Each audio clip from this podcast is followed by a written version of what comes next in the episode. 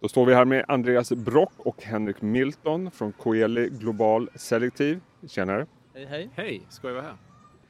Vi sågs innan sommaren precis i maj. Eh, då kom jag ihåg att då var ni imponerade över den snabba återhämtningen på börsen. Sen dess har det väl i princip fortsatt upp förutom nu sista veckorna. Hur går tankarna nu? Ja, men tankarna eh, går så här, alltså när corona hände då en gång i mitt, eh, mitten, slutet på mars när det var som värst så tänkte vi att eh, vi tror att året slutar upp. Eh, upp på grund av att diskonteringsräntan kommer ner och att för att det blir mycket stimulanser och att folk har en enorm benägenhet att fortsätta shoppa. Eh, så konsumtionen kommer förmodligen hålla sig igång. Så det återhämtade sig lite snabbare än väntat men det har ju fortsatt uppåt och eh, när vi tittar på ekonomin nu så, så känns det bättre och bättre. Eh, vi får lite positiva vinstvarningar nu. Det var det Palfinger, alltså ett tyskt industriföretag som var ute och gjorde en, sin först, en positiv vinstvarning. Vi hör att det är bra tryck i verkstad, uh, i verkstaden och så vidare. Så att, uh, vi vet att det är, det är lite coronaskräck just nu igen men rent allmänt så är ju ekonomin tillbaka. Och tittar vi då på våra aktier. Första gången du och jag träffades Jesper så pratade vi om Carell. Eh, den aktien är upp nästan 30 procent i år. Europabörsen är ner 16 procent. Det är den bästa verkstadsaktien i hela... Eh, Goldman Sachs sa att det var den bästa verkstadsaktien i, bland, i hela världen. Eh, vi har Sika som gör tätningsmedel. Vi är uppe över 20 procent på dem i år. Och båda de företagen går jättebra. Så att det går att hitta aktier även i, i de här tiderna som går uppåt. Och, och vi pratade mycket om senast att vi började se gröna skott. Ni pratade om att det kanske var dags att försiktigt gå in i värdeaktier eftersom tillväxtaktier har gått så bra. Sen dess har ju faktiskt spreaden ökat ännu mer fram till nu. Tankarna nu kring den relationen värde-tillväxt? Ja, tittar man på de aktierna som vi har köpt så har det ju gått eh, ganska bra. Eh, vi har en bit kvar till eh, de target prices som vi har på de aktierna. Jag tror ju att eh, det är ju, i och med att folk till exempel jobbar hemma så är det vissa strukturella förändringar som sker i samhället. Eh, om man nu hoppar till resebranschen, eh, jag flög till Arlanda en dag och de har ju bara en terminal öppen. Jag var där i somras och då var det som en spökstad. Så det, gradvis kommer vi tillbaks. Jobbiga näringar som till exempel resebranschen, flyg, hotell, restauranger och så vidare har ju en ganska lång bit kvar i och med att folk sitter hemma och, och äter istället. Man, man eh, semestrar på platsen och så vidare. Så, här, så att, men eh, jag tror att det är en baseffekt. Vi kommer komma tillbaks eh, men det, vi kom, alltså att komma tillbaks 100% till där vi var tidigare, det kommer ta kanske två år eller något sånt här tror jag. Och på din, din fråga där med, om värdeaktier, många av de värdeaktierna är ju bankerna. Bankerna är ju nästan 20% av index i Europa och, och tyvärr så är det så att den låga räntan har ju nu, nu har vi verkligen liksom, vi har ju sagt att det här kommer vara låg i 3 till 5 till 7 år till. Och det gör det jättesvårt. Så just den typen av värdeaktier som till exempel europeiska banker har vi inte lockats av. Men jag läste ert senaste månadsbrev och där nämnde ni eh, otroligt bra avkastning för Apple och Nvidia. Nvidia pratade vi om senast också. De har ju tappat nu rejält får man väl ändå säga under september. Hur tolkar ni det? Är det liksom ett trendbrott vad gäller förhållandet tillväxtvärde eller är det bara ett bra ställe att hämta vinst när det är lite turbulent? Jag tror att många av de som sålde aktier i de här bolagen tog hem vinster för att de hade gått väldigt starkt. Vi har gjort detsamma i vår fond. Vi plockade ner ungefär 5-6 procent här i augusti för att det gick för starkt. Och då har vi köpt en del andra aktier som vi kan prata om sen. Men eh, jag tror att de bolagen man ska äga på sikt är bolag som växer vinst och eh, Apple och Nvidia det är ju två sådana företag som växer. Så jag tror liksom att det är en tillfällig hicka. Eh, sen när folk inser att det andra inte växer då kommer de komma tillbaks. Så är det. Och eh, Apple kom med en väldigt stark eh, Q2-rapport. Q2 som vi nämnde tidigare överraskade positivt. Några tankar inför Q3? Vi är ju snart där. Ja, ehm, Apple indikerade ju att eh, försäljningen av hemmadatorer, alltså eh, med, angående det här med skolan då, eh, har ökat. Och jag kan ju notera att min son har ju, har börjat gymnasiet nu och alla är ju ute och köper datorer och det är en stor brist. så Q3 kommer nog förmodligen bli väldigt, väldigt, väldigt stark. Sen har du också en Xbox Playstation 5-cykel det var ju länge sedan det var en Playstation 4 kom, nu kommer Playstation 5 och eh, Microsoft var, som jag förstått var ute och sagt nu att nu är massor med ordrarna väller in för Xbox och så vidare. Så att det här kvartalet kommer bli starkt för, för tech. Tror ni det kommer bli starkt generellt eh, för, för börsen?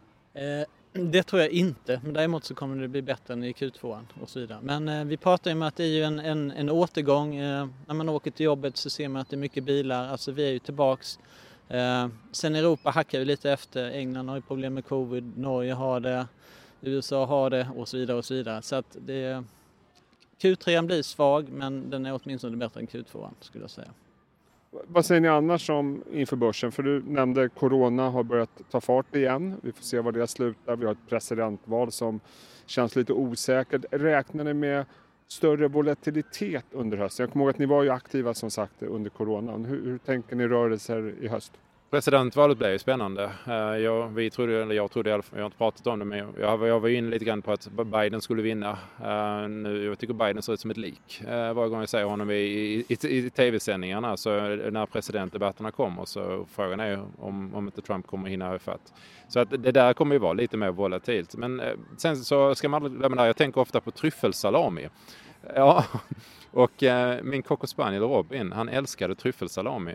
Och börsen är likadan. Och så fort den, den, den kan lukta vinst, vinsterna, även på långt håll, så kommer, kommer momentumet att komma tillbaka, även om det blir lite volatilt. Något annat vi pratade om senast, det var betaltjänster. Ehm, de hade underpresterat relativt börsen om jag minns rätt. Sen tog de fart där under sommaren för att nu tappa lite grann med mycket annat. Hur ser ni på den sektorn nu? Vad ser ni för trender? Ja, vi älskar ju betalningssektorn för att det är ju en, en, en, en ständigt återkommande ström av intäkter. Eh, om vi tar bena ut det här lite grann med de två giganterna och Visa Mastercard så aktiekursmässigt så är de tillbaks på sina eh, nivåer som var innan eh, i februari. Eh, och eh, det som är jobbigt för båda de här bolagen det är ju det de betalningar med kreditkort. Där, där tar det tid innan det kommer igen. Och det är ju kopplat till det här med resandet som jag sa tidigare då. Eh, debitkorten går bra de växer inom e-handel och den har ju blivit en accelererat den kan man ju säga. Eh, vi har andra två innehav som heter Global Payment och Pfizer. De har haft det lite jobbigare. Men jag tror att det är mer att marknaden inte vill ta i de aktierna ännu för att de är cykliska, vilket de egentligen inte är. Eh, de kommer komma tillbaks men det kommer kanske ta en liten tid. Men de är i princip en spegel av vad Mastercard och Visa levererar. Det har de sagt själva. Så att, mm.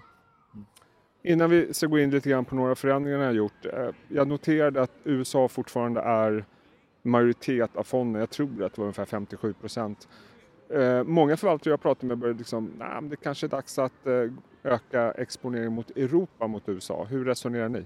Vi tänker väldigt mycket företagen. Eh, och vilket, om du tar ett vanligt S&P 500, alltså amerikanska börsen, så är nästan halva omsättningen från utanför USA och halva omsättningen är i USA. Och köper du Atlas Copco i Sverige så får du väldigt mycket USA och, Asien för det. Så det, eh, det, är svårt att, att, att tänka så, så, så geografiskt. I så fall så måste du börja köpa europeiska banker eller europeiska liksom, byggindustrin och så vidare. Och vi lockas inte så mycket av den. Vi gillar USA. Eh, vi gillar de här internationella champions, de bästa av de bästa. Microsoft, Nvidia, Apple, de vi har nämnt, några av vi har nämnt. Så att eh, vi, vi känner oss bekväma med den exponering vi har. Eh, ungefär 55-60% av fonden är i USA.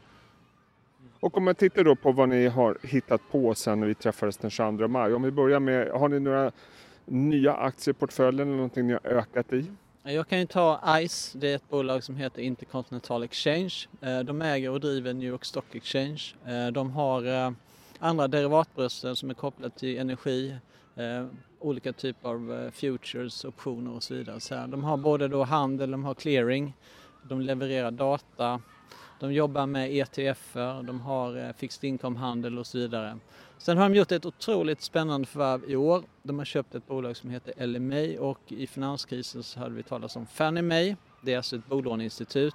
Så det ICE ska göra då det är att de ska digitalisera hela bolånesektorn i USA och det är ju en gigantisk marknad. Eh, det här är nya 15 i omsättning till bolaget och det är det som jag tycker är så fantastiskt. Det här bolaget började från noll år 2000. Idag är det ett 54 miljarder market cap i USA. Och eh, nu har man köpt, lagt på 15 procents omsättning till. Kan du tänka vilket bolag i Sverige, eh, SEB, skulle de köpa någon ny verksamhet som ger dem 15 procent mer omsättning? Det är fantastiskt. Svårt att hitta. Vad säger du Andreas, är det något annat som du nämner i sammanhanget? Ökat eller minskat? Eh, vi har lagt till John Deere, så lite grann på vad du var inne där med värde och sånt. Vi tycker att det är lite värde i verkstadsindustrin. Rent allmänt så är det, verkar vara bra tryck. Eh, och John Deere har en bra mix av både anläggningsmaskiner då och, och sen så vanliga med då, eh, traktorer för, för jordbruk. Jordbrukscykeln pikade i USA 2012. Så vi är alltså inne i åtta av en nedgång. Vi tror att den har bottnat här och nu och aktien är när vi tittar framåt så tror vi vi kan göra en 30-50% på två år och det är kanske en 10% nedsida. Så att vi, när, vi, när vi köper en aktie så tittar vi både på upp och nedsidan och så vill man ju ha en bra ratio där, liksom, att uppsidan är bra mycket större än nedsidan. Så John Deere har vi det. Så att det är ett nytt, ett nytt innehav i fonden. Någonting som har åkt ur portföljen eller som ni har minskat väsentligt i?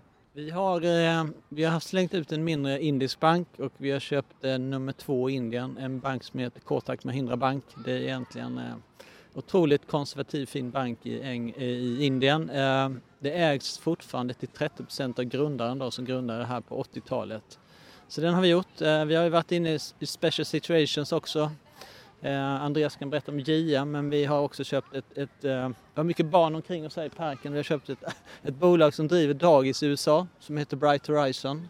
Ett billigt bolag som är en riktig champion i USA och eh, där har vi det här vi pratade om, eh, effekt av coronakrisen. Jag tror att det, ett strukturell förändring är att folk jobbar mer hemma och då måste de tweaka sin affärsmodell lite och kanske flytta dagisen från där jobben är till där, där folk bor istället. Men vi har nog en 20-30% uppsida i den här aktien. Så det är jättespännande. Jag tyckte Henrik nämnde JM. Ja, JM var jätteskoj. Eh, eh, jag har följt JM sedan 2007. Eh, så det är ett, rätt många år. Eh, Aldrig ägt aktien, följt dem fantastiskt ledarskap. Kanske den bästa husbyggaren i hela världen. Och jag har träffat nästan 30 husbyggare eh, över hela världen. Fantastiskt företag. Sen hände Corona, aktien går ner till 160-165 där. SE-banken eller det var någon annan makroekonom som var ute och sa att huspriserna skulle ner 10-15 procent. Vi, vi, tänkte nej, det, det, vi tror inte det. Om man matar in 3 triljoner dollar i världsekonomin så är det rätt mycket pengar som säkert hittar sin väg till svensk bostadsmarknad. Så vi stack ut, eh, stack ut på, eh, och träffade mäklare här i Stockholm. Han sa april var den bästa månaden någonsin. Vi stack, träffade mäklare nere i Skåne och på andra ställen. Och alla pratade med folk som sålde lägenheter i Vasastan. Priserna var upp. Så då har du en stor diskrepans mellan marknaden tror att priserna ska ner. Vår analys visar att priserna är förmodligen ska upp. Eh, så vi köpte in på 165. Åtta veckor senare så, så har vi gjort 50% på aktien och jag säljer av den. Och för oss är det då en special situation. Så fonden består ju 80-90 av de här champions, världens finaste företag, som man måste sitta på väldigt länge. Man måste äga dem lång tid. Och så har vi en 10-15% special situations där vi köper vi, vi gör vinsten och sen hoppar vi ur igen. För att problemet med JM då är att om du tittar på lång sikt då så har ju aktien, det, det går ju som ett dragspel upp och ner, upp och ner, upp och ner. Så det är svårt att sitta med den över jättelånga perioder. Men kan man göra 50% på åtta veckor, ja men då gör vi det. Och om man vill följa ert arbete och framförallt titta lite grann på vilka de här champions är och hur ni ser på marknaden, var hittar vi det någonstans? Vi är väldigt transparenta. Så går man in på vår hemsida, coeli.se global, så kan man eh, ladda ner. kan man få tillskicka sig hela den här listan på våra, våra innehav. Eh, man kan också, vi publicerar en analys i snitt per vecka om våra företag. Så vill man läsa om varför vi tycker att Apple hade en fantastisk rapport så är det en analys på Apple. Eller om man vill läsa om Henriks analysarbete på ICE så, så publicerar vi dem där. Så välkommen in, coeli.se global. Henrik Milton, Andreas Brock, Tusen tack för att ni tog er tid och lycka till. Tack så mycket. Tack själv.